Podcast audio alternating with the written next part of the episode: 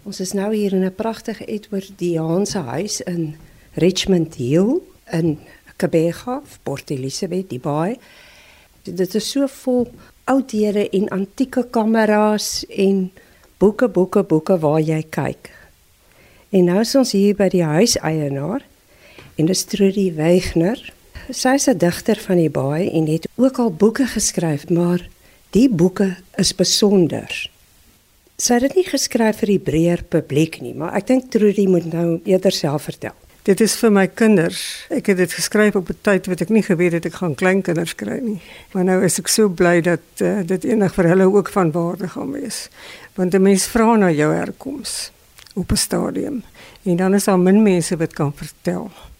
Ek het nog op universiteit begin dig, so ek het bietjie gepubliseer in standpunte en by die universiteit self en toe ek 50 geword het, toe besluit ek om dit te bundel.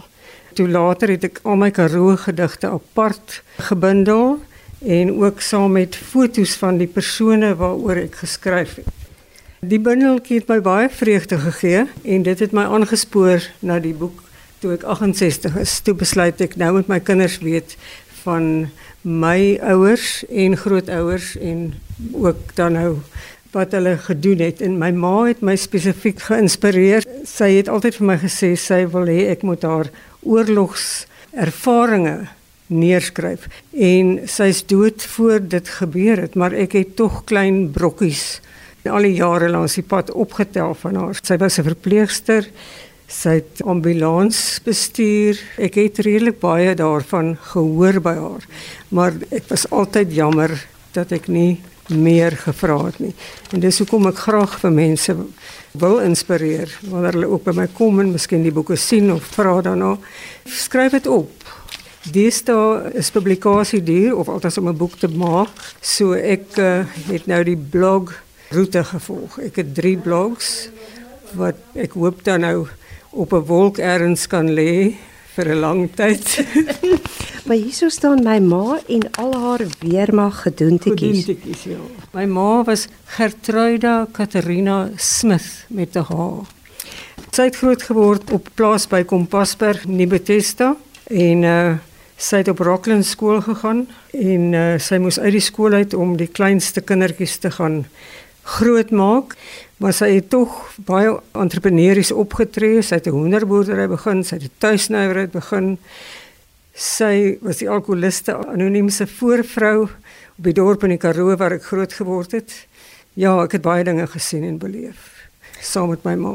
Trudy Weigner, skrywer en digter van die Baai, wat 'n boek vir haar nageslagte oor die familie skryf sodat hulle hulle self in konteks kan sien. Ja, dis korrek. En dan het ek natuurlik nou ook punte waarop ek konsentreer, soos um, ek wou ook my oorlede man eer want ons het nogal avontuurlustige dinge gedoen voor mense vir 'n jaar oor see gegaan het. Ons het uh, gedoen na ons getroud is en ons het gewerk en ons het gereis.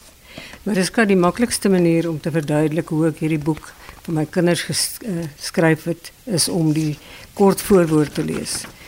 Hier is vir julle 'n boek met vertellings, fragmente, fotos en voorwerpe uit my vroeë verlede. Dit is sonder hoofstukke, bladsynommers of kronologie. Ek sal ook weinig punte vir sintaksis kry. Met die opskryf van die tydgleef, hoofsaaklik van 1946 tot 1964, het ek 'n stuk van my jeug gaan haal. Kom kyk saam uit my hoek.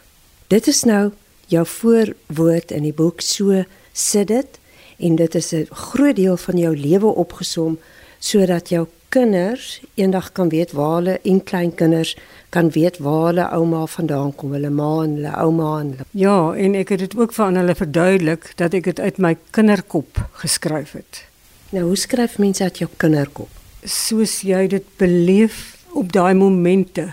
Byvoorbeeld ek het een oggend wakker geword Toe ruik ek rook in die buurt. En toe dink ek aan al die ooms uit my kinderdae wat gerook het en gesnuif het en hoe daai spulle aan hulle snorre vasgesit het. En dan wil hulle jou soen groet. En toe gaan sit ek net en ek skryf daaroor. Ek word nou 77. Daar kom nou nie 'n boek nie, maar daar daar is nou drie blogs.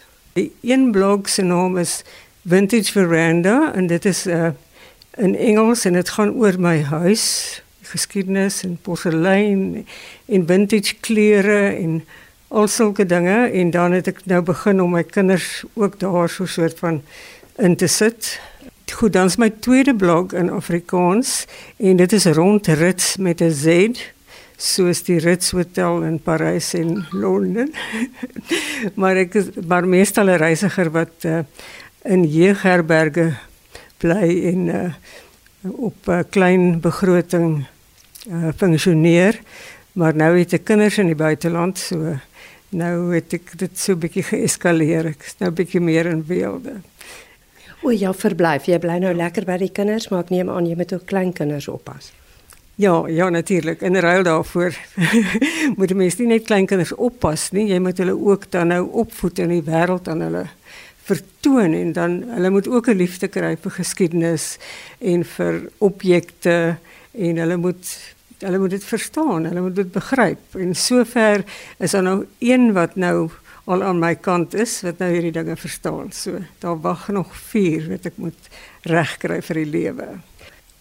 My oudste seun en sy vrou woon al vir byna 2 jaar in Portugal en almal leer verbeter die taal, maar Afrikaans is die huistaal. Hoewel my oudste kleinseun absoluut tweetalig is, hy het vir my gesê ouma, I know the whole English. En uh, hy is nou al op die stadium wat hy vir my stem nota stuur.